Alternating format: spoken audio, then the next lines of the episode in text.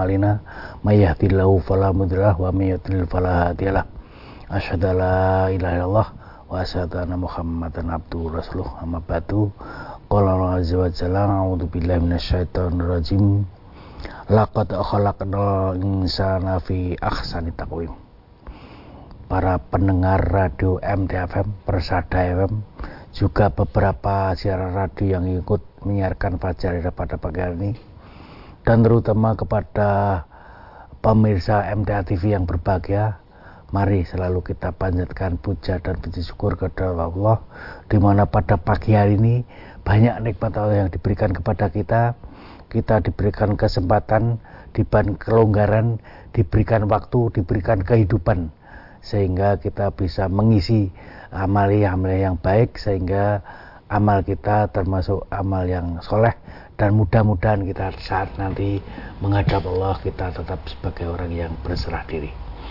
Pada pagi hari ini akan kita bicarakan tentang kesehatan. Selalu saya sampaikan kesehatan itu dilihat dari kesehatan fisik bisa juga kesehatan jiwa atau mental kesehatan sosial maupun kesehatan spiritual.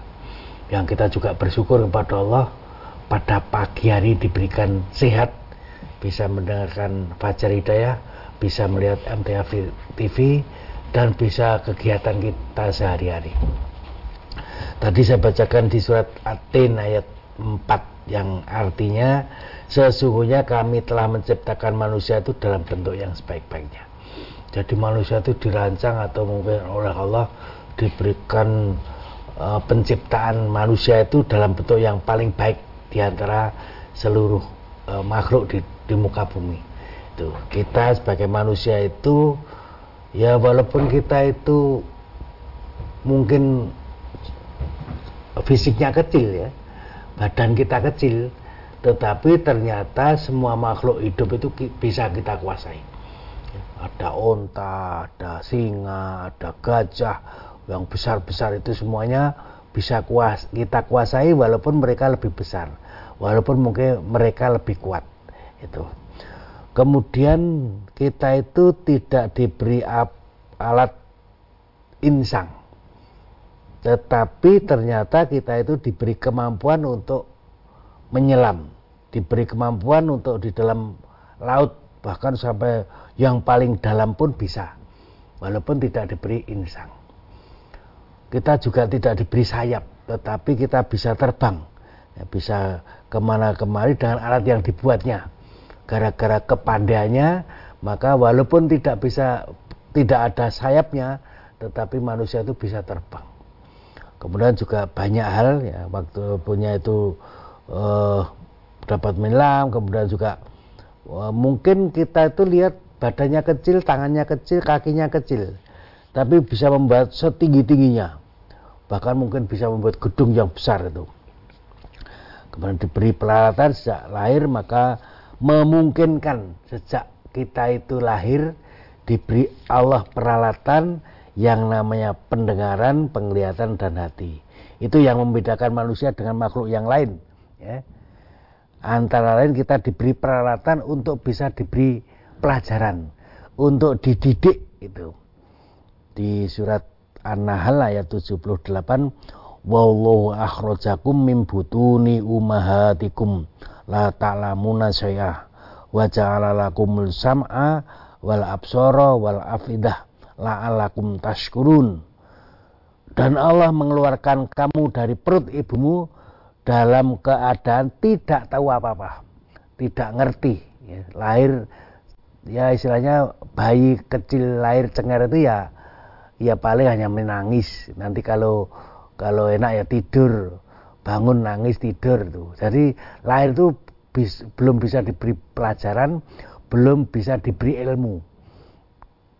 Lahir tidak tahu. Ilmu Al-Quran ilmu As-Sunnah tidak ada. Ilmu duniawiah juga tidak ada. Lah kemudian Allah nanti memberi peralatan ya, untuk bisa memahami ayat-ayat Allah untuk bisa mengerti pelajaran-pelajaran Allah, untuk bisa memahami Al-Quran, maka diberi peralatan namanya pendengaran. Bukan telinga.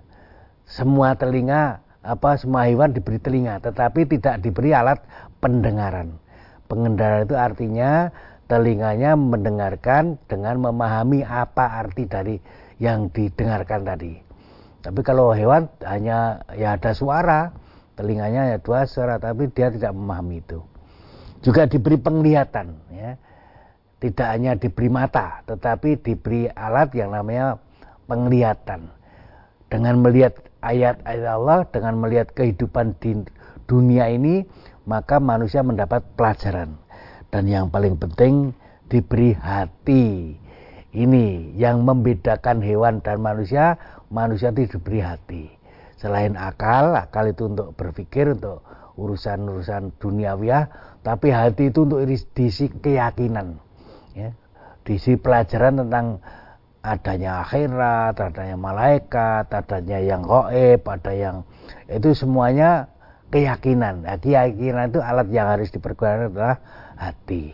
Maka manusia semuanya diberi hati. Eh, uh, supaya apa? Supaya bersyukur. Artinya Allah dengan memberikan pendengaran pendengaran hati itu digunakan sebaik-baiknya untuk bersyukur kepada Allah. Itu. Jadi dengan diberi kelengkapan itu juga bisa mendapatkan pelajaran manusia. Jadi manusia itu uh, dengan jalan itu akan akan bisa dididik itu. Di ayat yang lain sama wa huwallazi angsa alakumus sam'a wal absara wal afidata qalilam ma taskurun. Ya. Ini ini Allah yang akhir adalah qalilam ma taskurun artinya amat sangat sedikit kamu bersyukur. Padahal Allah sudah memberikan menciptakan manusia itu diberi pendengaran, diberi penglihatan dan hati tetapi amat sangat sedikit manusia itu bersyukur. Artinya walaupun diberi banyak alat digunakan mestinya untuk mempelajari ayat-ayat Allah dan diberi penglihatan untuk melihat tanda-tanda kebesaran Allah dan diberi hati untuk diisi keyakinan-keyakinan yang diberikan Allah, disampaikan Allah, maka nanti dia namanya bersyukur Ayat yang lain hampir sama di surat Sajdah ayat 9. Kemudian dia menyempurnakan dan meniupkan ke dalam tubuh itu roh. Dia menjadikan kamu pendengaran, penglihatan dan hati. Tetapi kamu sedikit sekali bersyukur. Jadi manusia hidup itu diberi roh, diberi kehidupan supaya hidup manusia. Di ayat yang lain surat Mulk ayat 23 katakanlah dialah yang menciptakan kamu dan menjadikan kamu pendengaran, penglihatan dan hati. Amat sangat sedikit kamu bersyukur. Jadi kalau e, menggunakan pendengaran ya mungkin kita biasa pendengaran itu pakai untuk mendengarkan lagu-lagu atau mungkin bahasanya mungkin mendengarkan ketoprak, mendengarkan wayang orang, tapi untuk mendengar ayat-ayat Allah, ya, mungkin ada pengajian, malah dipindah, malah digeser. Tapi ada di antara kita, ya, penting sekali untuk mendapat pelajaran, maka uh, istilahnya apa ya? Kalau ada pengajian, kalau ada ayat atau dibacakan, itu itu penting untuk didengarkan. Jadi jangan sampai dikalahkan dengan kegiatan yang yang lain. Kemudian terutama hati itu nanti diisi dengan yang khair. Barang siapa di antara kamu di dalam kehidupannya damai, sehat badannya, dan punya makanan sehari-hari, maka seolah-olah dunia seisinya dianugerahkan kepadanya. Hadis riwayat Tirmidzi dan Ibnu Majah.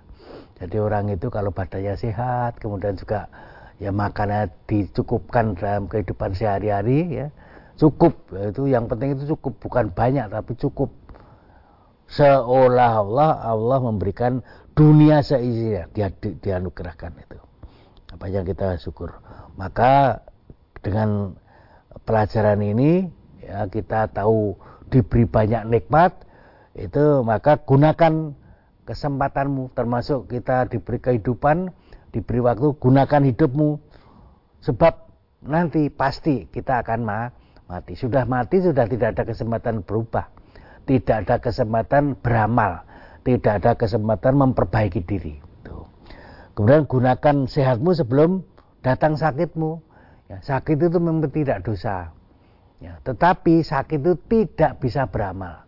Ya, mungkin juga kendalanya banyak, mungkin dari segi e, kemampuan fisik, kemudian dana, kemudian waktu itu tidak bisa ya hanya tidur tidur saja di kamar apa di bahkan mungkin di rumah sakit sehingga tidak banyak bangka pada saat sehat mari kita manfaatkan ya sebentar lagi kita mau menyembelih korban misalnya ya kita gunakan fisik kita kita pakai untuk kegiatan visabilillah maka itu namanya bersyukur karena sehatnya kemudian eh, gunakan masa lapangmu sebelum datang sempitmu jadi pada saat longgar pada saat waktunya ada ya, dimanfaatkan sebaik-baiknya di jalan Allah, di jalan yang baik, di jalan yang benar. Kemudian gunakan masa kayamu sebelum masa miskinmu. Jadi kalau sedang mampu, sedang ada uang, sedang cukup ya kita manfaatkan itu. Gunakan masa mudamu sebelum datang masa tuamu. Jadi kalau kita masih muda, masih sehat, masih seger buger, mari kita manfaatkan itu yang kadang-kadang kita lupa. Lupa itu manusiawi. Maka Rasulullah mengingatkan nikmatani magbunun fihima kathirom minan nas asihatu wal faraj. Ada dua kenikmatan manusia yang sering dilupakan. Dua kenikmatan itu apa? Kenikmatan sehat dan kenikmatan kesempatan. Jadi kita punya kesehatan tidak kita gunakan rugi. Ya, kita tidak beramal ru, rugi itu. Maka dua kenikmatan yang sering dilupakan maka kita gunakan baik-baiknya itu. Orang kaya punya pesawat, gak bisa ya mungkin punya harta yang banyak. Tapi kalau dia sakit ya sudah ya mungkin tidak banyak kegiatan gitu dia punya mobil mewah ya, punya ya istilahnya apa ya rumah yang bagus itu tapi karena sakit ya ya bis, bisa karena sakit terkendala misalnya sampai tidak bisa jalan pakai kursi roda atau bahkan makan ini makan itu dan sebagainya tidak boleh jadi tidak bisa memperhatikan itu walaupun dia punya rumah, punya mobil, punya pesawat, tapi kalau sudah masuk rumah sakit, tidur di rumah sakit, maka ya dia terkendala. Bahkan sehat itu harganya mahal ya. Jadi ada ada yang misalkan orang kaya raya tetapi sudah berobat ke sana kemari ya. Tetapi karena ya oleh Allah di, diberi ujian misalnya buta misalnya udah diobatkan ke negeri mana negeri mana hartanya di, dikeluarkan tapi tetap tidak mendapatkan kesembuhan maka kalau mumpung kita sehat maka kita gunakan sebaik-baiknya kemudian memang manusia itu harus berusaha sehat karena Allah itu mencintai hambanya yang kuat ya al mu'minu khairu wa ahabba ilallahi minal mu'minul dhaif. Orang mukmin yang kuat lebih baik dan lebih dicintai Allah daripada mukmin yang lemah. Lemah dari segi apa? Ya dari tadi dari segi fisik ya, orangnya lemah, dari segi jiwa orangnya lemah, dari segi sosial orangnya lemah, dari segi spiritual juga lemah. Jadi kalau lemah semua itu ya istilahnya Allah tidak tidak begitu mencintai tapi Allah mencintai orangnya sehat seger buker fisiknya kuat jiwanya hebat ya. Kemudian sosialnya ya, kuat ya mungkin ekonominya ya kalau hebat dan spiritualnya juga hebat itu. Itu yang paling bagus yang paling dicintai Allah. Maka eh, kita berusaha di arah itu. Jadi supaya fisik juga sehat, jiwanya juga kuat, sosialnya juga hebat, spiritualnya terutama itu yang akan menyelamatkan diri kita baik di dunia maupun di akhirat. Sehingga nanti pada saat di neraka apa di akhirat nanti akan akan dimintai pertanggungjawaban semuanya alat yang diberikan Allah tadi pendengaran, penglihatan dan hati tadi akan menjadi saksi bagi mereka terhadap Allah pada saat di akhirat nanti. Apabila sudah sampai di neraka nanti mereka akan ditanya tentang perbuatannya, tentang menggunakan alat yang diberikan Allah tadi. Di surat Fusilat ayat 22, kami sekali-kali tidak dapat bersembunyi dari kesaksian pendengaran, penglihatan, dan kulitmu kepadamu. Bahkan kamu mengira bahwa Allah tidak mengetahui kebanyakan dari apa yang mereka kerjakan. Jadi nanti peralatan ini akan ditanya bagaimana kehidupanmu, nanti akan menyampaikan laporan sendiri-sendiri tentang bagaimana digunakan pendengaran dan bagaimana digunakan penglihatan dan juga kulit-kulit kita itu. Ya. Kalau di dunia itu kita uh, sudah ada namanya sidik jari itu bisa ketahuan ini uh, ini sidik jari itu nanti di akhirat juga kulit itu akan akan bisa memperlihatkan itu kemudian ayat yang sering kita baca wala takfu ma laisa laka bi ilun inna sam'a wal absara wal afidah kullu ulaika kana mas'ula janganlah kamu mengikuti apa yang kamu tidak mengetahui tentangnya. Sesungguhnya pendengaran, penglihatan, dan hati nanti akan dimintai pertanggungjawaban. Jadi memang kita itu alat tadi pendengaran penglihatan itu digunakan semaksimalnya untuk menuntut ilmu. Ya. Dengan ilmu kita beramal. Nah, jadi beramal soleh itu dengan il, ilmu. Tidak boleh beramal soleh tapi tidak punya ilmu. Maka untuk bisa punya ilmu harus beram, ber, apa, mengaji atau mempelajari. Tuh. Alat yang diberikan Allah pendengaran, penglihatan dan hati. Dan nanti di akhirat semuanya akan dimintai pertanggungjawaban. Bahkan orang yang paling jelek itu itu kalau tidak menggunakan itu.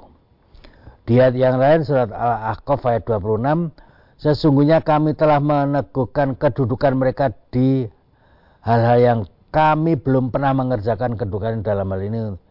Kami memberikan kepada mereka pendengaran, penglihatan, dan hati. Tetapi pendengaran, penglihatan, dan hati mereka itu tidak berguna sedikit pun bagi mereka. Mereka selalu mengingkari ayat-ayat Allah dan mereka selalu diliputi siksa yang dahulu mereka memperolok-olokkan.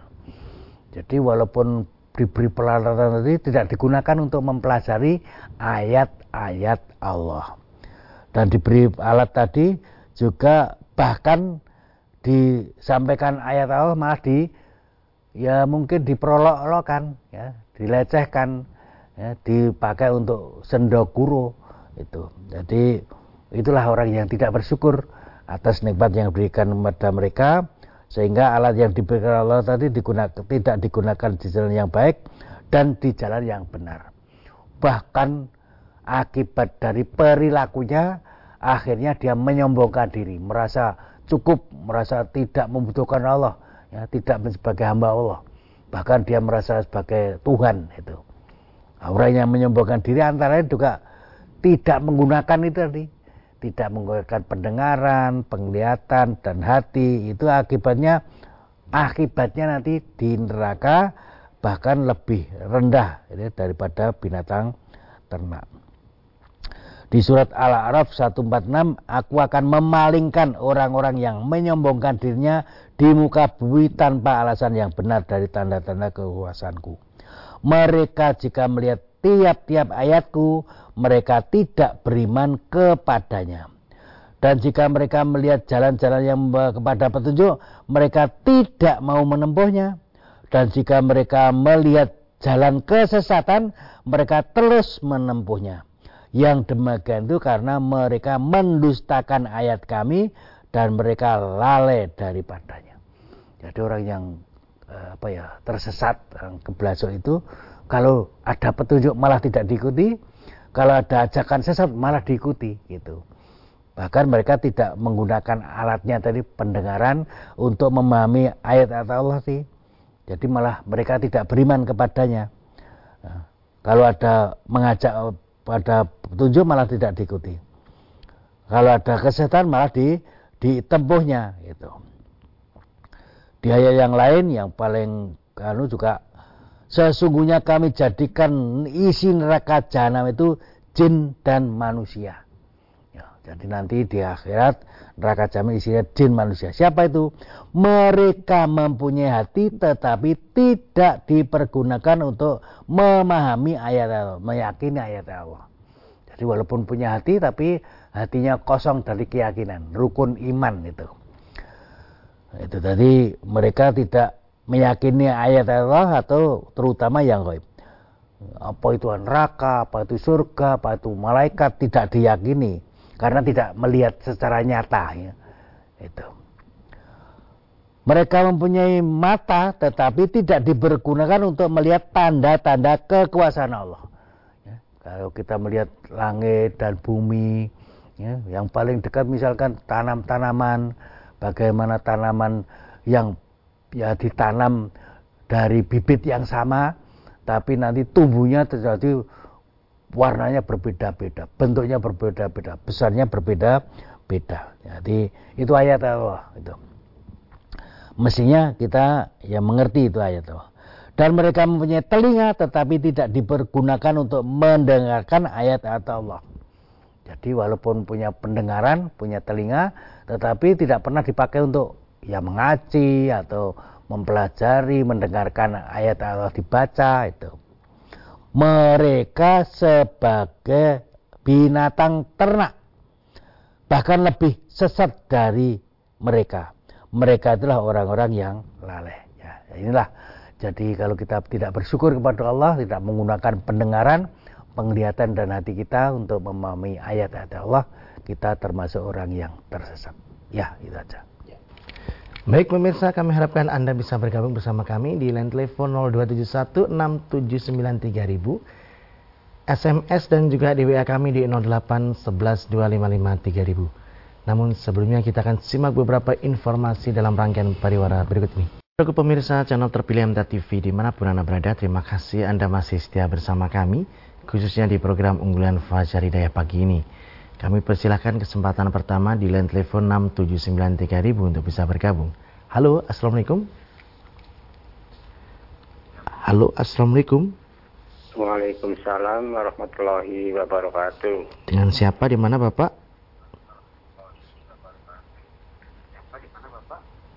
Dari Palembang ini Pak Adi. Ya, silakan Pak Adi. Enggak Pak Adi. Assalamualaikum warahmatullahi wabarakatuh. Waalaikumsalam warahmatullahi wabarakatuh. Sari, Adi.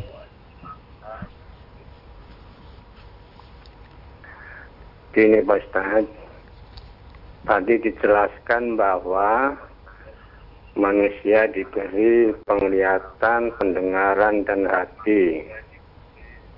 Tapi tidak bisa menggunakan hal tersebut. Nah ini diumpamakan seperti binatang ternak. Itu tadi kan. Tapi yang saya tanyakan ini manusia kan bisa berpakaian, bikin rumah, naik kendaraan, punya mobil, gedung-gedung. Kalau ternak itu kan biasa-biasa saja seperti itu. Nah, mohon penjelasannya Pak Ustadz. Terima kasih. Wassalamualaikum warahmatullahi wabarakatuh. Waalaikumsalam warahmatullahi wabarakatuh. Ya itulah bedanya manusia dengan hewan, binatang ternak ya. Manusia itu berpikir untuk kehidupannya di dunia dan akhirat. Yang sering kita lupa kadang-kadang kehidupan akhirat.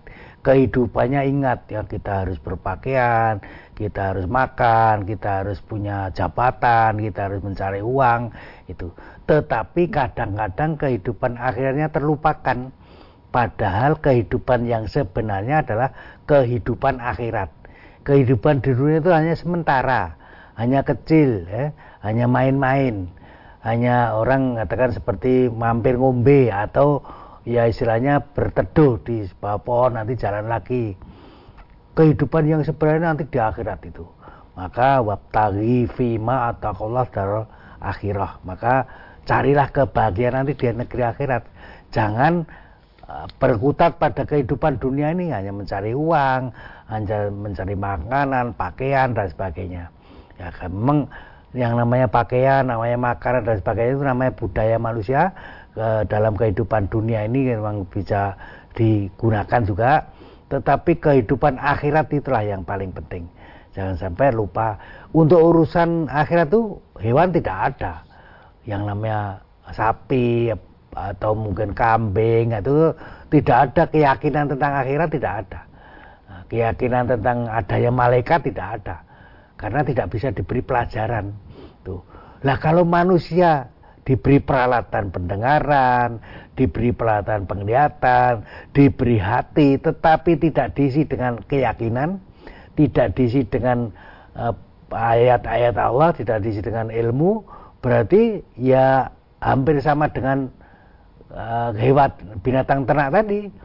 Sehingga kalau hewan binatang ternak wajar karena memang dia tidak diberi penglihatan, tidak diberi pendengaran tidak diberi hati. Maka harusnya manusia itu berbeda ya, dengan peralatannya bisa memahami ayat-ayat Allah dengan penglihatannya bisa melihat kebesaran Allah dengan hatinya bisa diisi dengan keyakinan. Itulah ya itulah membedakan manusia dengan uh, binatang ternak itu. Ya.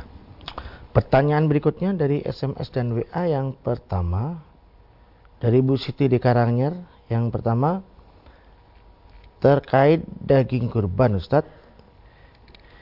Binatang kurbannya itu disembelih di masjid. Kemudian sebagian dagingnya itu dibagikan ke warga. Dan ada sebagian kecilnya dagingnya itu dimasak oleh panitia dengan tujuan untuk ingon panitia yang ikut menyembelih tersebut.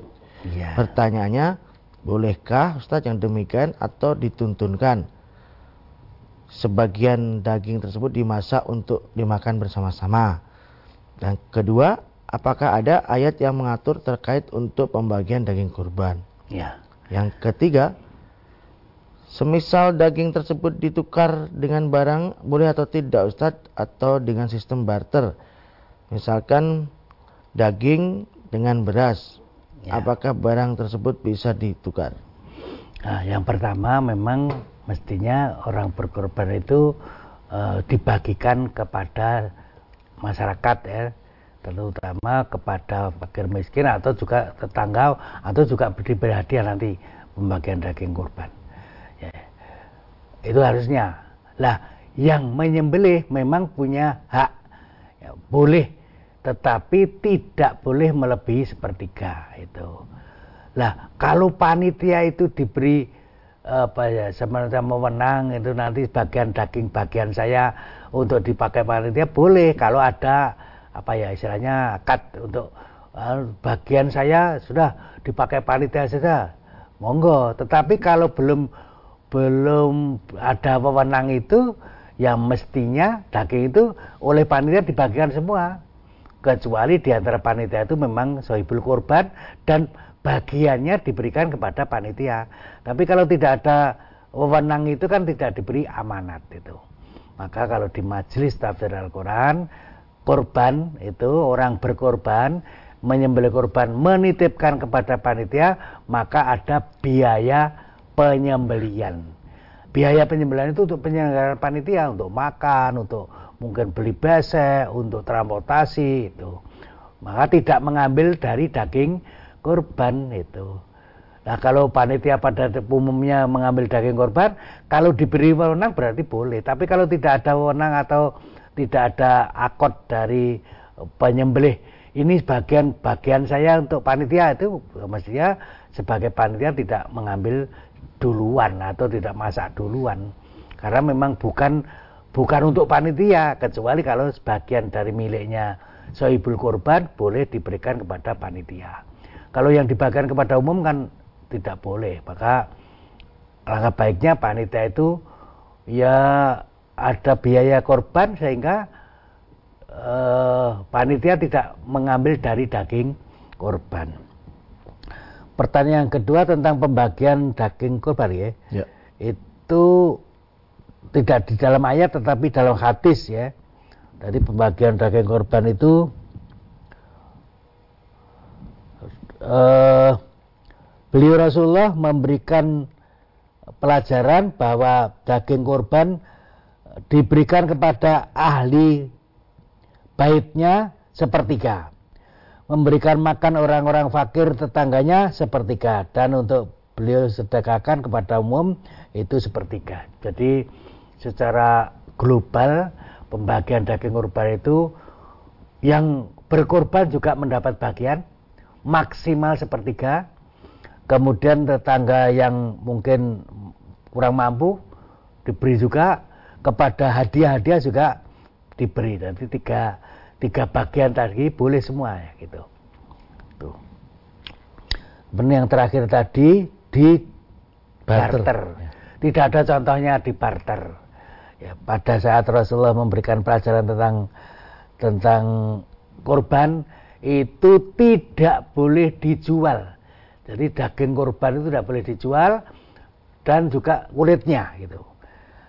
Dari Ali bin Abi Thalib ya pelajaran dari Rasulullah ia berkata saya diperintahkan oleh Rasulullah untuk mengurus korban-korban dan supaya saya bagikan daging-daging itu kulit-kulitnya, pelananya fak, kepada fakir dan tidak boleh saya memberikan sesuatu upah kepada uh, yang mengerjakan. Jadi ini petugas itu upah kepada petugas nggak boleh itu misalkan biaya penyembelihan tadi dipakai untuk penyembelihnya itu tidak boleh.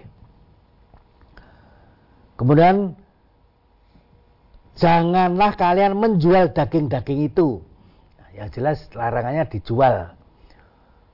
Uh, maka makanlah dan sedekahkanlah. Jadi kalau kalau mau ya dimakan, kalau tidak mau dia di berikan kepada yang lain disedekahkan.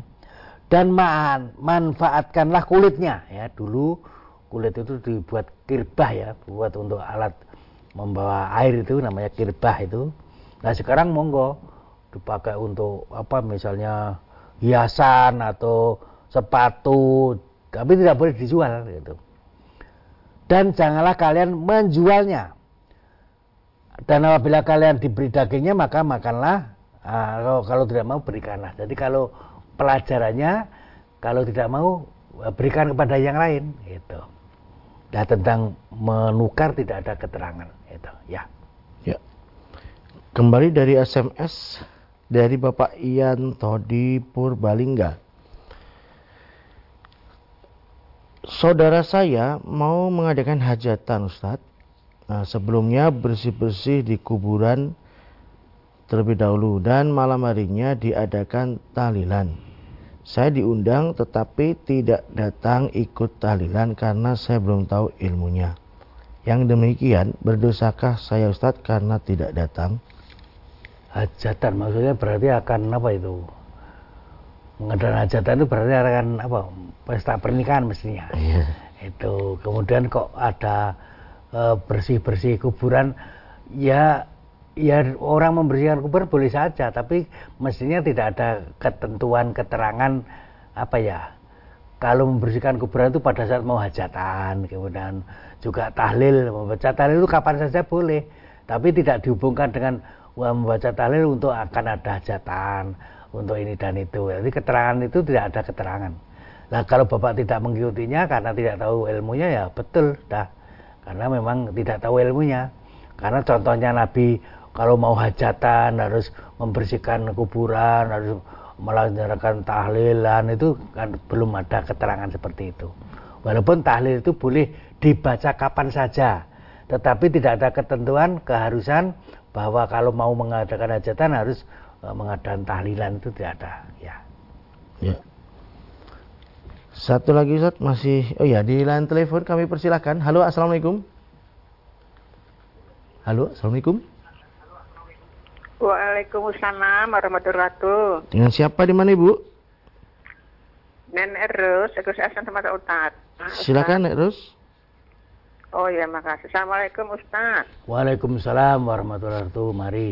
Ustaz. Ini boleh di luar tema Ustaz. Ya silakan. Ini Ustaz, anak ini mau tanya. Kalau mengerjakan sholat sunat fajar itu waktunya jam berapa? Apakah sesudah kumandang ikomah atau belum? Atau kan itu sholat fajar itu serupa dengan sho- sholat qobliyah subuh gitu. Iya. Demikian. Ya hanya itu Ustaz, terima kasih jawabannya. Assalamualaikum warahmatullahi wabarakatuh. Waalaikumsalam warahmatullahi Ya. wabarakatuh. Yang namanya sholat fajar tanpa sunat ya. Sholat fajar itu adalah sholat subuh. Kalau sholat sunat fajar itu sholat sunat menjelang subuh, belum subuh. Tuh. Tapi kalau sholat fajar, sholat fajar itu sholat subuh. Jadi kalau mau sholat fajar ya sholat subuh itu. Tapi kalau sholat sunat fajar itu sholat sebelum subuh. Jadi sholat menjelang subuh, sholat sebelum subuh sama dengan sholat fajar. Kapan waktunya? Kalau sudah masuk waktu subuh, ya. Belum sebelum subuh tidak boleh. Artinya waktunya masih malam tidak boleh. Waktunya belum manjing waktu subuh belum boleh. Jadi kalau sudah waktunya masuk subuh, sebelum sholat subuh boleh melaksanakan sholat sunat fajar. Dan sholat sunat fajar dilaksanakan sudah waktunya masuk waktu subuh, tetapi belum melaksanakan sholat subuh itu waktunya. Itu, jadi ya itu. Ya. Dari SMS kembali dari bap dari Bapak Tri di Purwodadi. Ustadz, hari apa wukufnya di Mekah dan apakah boleh apakah boleh beda Ustadz? ya. Jadi kalau kita mungkin silakan melihat YouTube atau melihat berita-berita itu memang eh, pemerintah Arab Saudi itu nanti memutuskan tanggal 9 wukufnya pada hari Jumat itu. Tanggal 9 Juli. Itu. Jadi pemerintah Arab Saudi memutuskannya wukufnya pada hari Jumat tanggal 9 Juli. Sedangkan pemerintah Indonesia itu sholat Idul Adhanya itu eh, wukuf itu tanggal 8 ya, harinya Jumat tanggal 8. Kalau wukufnya hari Jumat tanggal 8 berarti sholat Idul Adhanya di Arab Saudi hari Sabtu tanggal 9.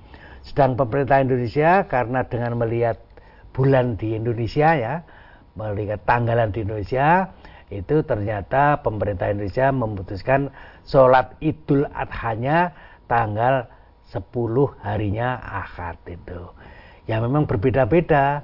Mengapa berbeda? Karena ya ada yang namanya wukuf tadi eh, istilahnya tanggal artinya wukuf dilaksanakan tanggal 9 Dzulhijjah maka kalau Indonesia tanggal 9 Dzulhijjah hari Sabtu maka sholat idulnya hari Minggu itu. Tapi ada juga yang wukuf itu tempat ya, tempat wukuf itu di Arafah di Arab Saudi sana. Jadi kalau orang pada wukuf orang di Arafah berarti dia sedang wukuf di Arafah. Lah orang-orang seluruh eh, dunia ya mau puasa Arafah atau puasa uh, wukuf tadi puasa Arafah ya tanggal ya itu menyesuaikan dengan para jamaah haji.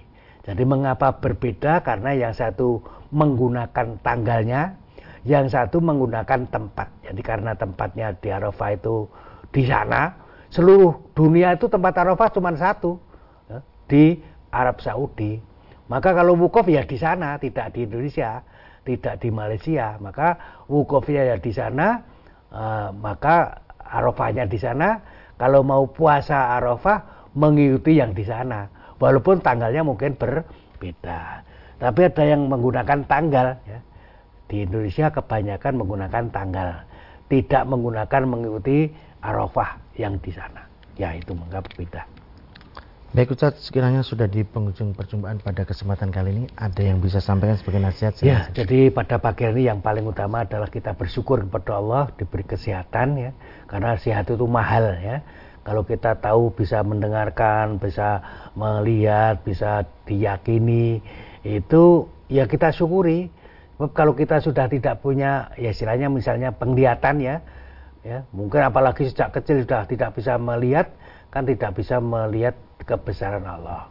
Ada juga yang sejak kecil tidak bisa mendengar. Ya, kalau sudah tidak bisa mendengar itu bahkan tidak bisa berbicara, maka namanya bisu tuli itu. Ya, yang paling jelek juga tidak punya hati, aduh, nggong, tidak mudeng, akhirnya ya memang kalau orang tidak diberi hati tidak paham diangkat penanya kalau orang itu nggong atau bahkan mungkin yang pikun itu yang sudah sudah hatinya tidak bisa maka diangkat penanya tapi kalau kita diberi hati diberi pendengaran diberi penglihatan mari kita gunakan sebaik-baiknya di jalan Allah di jalan yang baik di jalan yang benar sehingga bisa kita manfaatkan sebab nanti di hadapan Allah pendengaran, penglihatan dan hati tadi dimintai pertanggungjawaban. Bagaimana penggunaan kita di dunia? Apakah pendengarnya untuk melihat apa petunjuk-petunjuk Allah, ya, petunjuk itu diikuti atau malah bahkan eh, petunjuk itu malah tidak diikuti, malah kesesatan yang diikuti. Itu malah eh, tersesat itu. Kemudian bagaimana penglihatannya? Apakah bisa melihat uh, kebesaran Allah? keagungan Allah itu berarti penglihatannya digunakan semaksimalnya. Tapi kalau tidak ya walaupun diberi mata tetapi tidak bisa melihat, tidak bisa. Kalau di dunia buta nanti di akhirat lebih buta lagi. Artinya tidak tahu kebenaran artinya. Ya itu saja. Ya. Kami sampaikan terima kasih atas pelajaran Ustaz. Assalamualaikum ya. warahmatullahi wabarakatuh. Waalaikumsalam warahmatullahi wabarakatuh. Baik saudaraku pemirsa channel terpilih MTA TV di mana pun Anda berada. Demikian tadi telah kita simak dan ikuti bersama program unggulan Fajar Hidayah pagi ini. Kita jumpa kembali di kesempatan mendatang dan saya Tommy Al-Fatani pamit undur. Alhamdulillahirrahmanirrahim. Subhanakallahumma wa bihamdika. Asyadu ala ilaha illa anta astaghfiruka wa Assalamualaikum warahmatullahi wabarakatuh.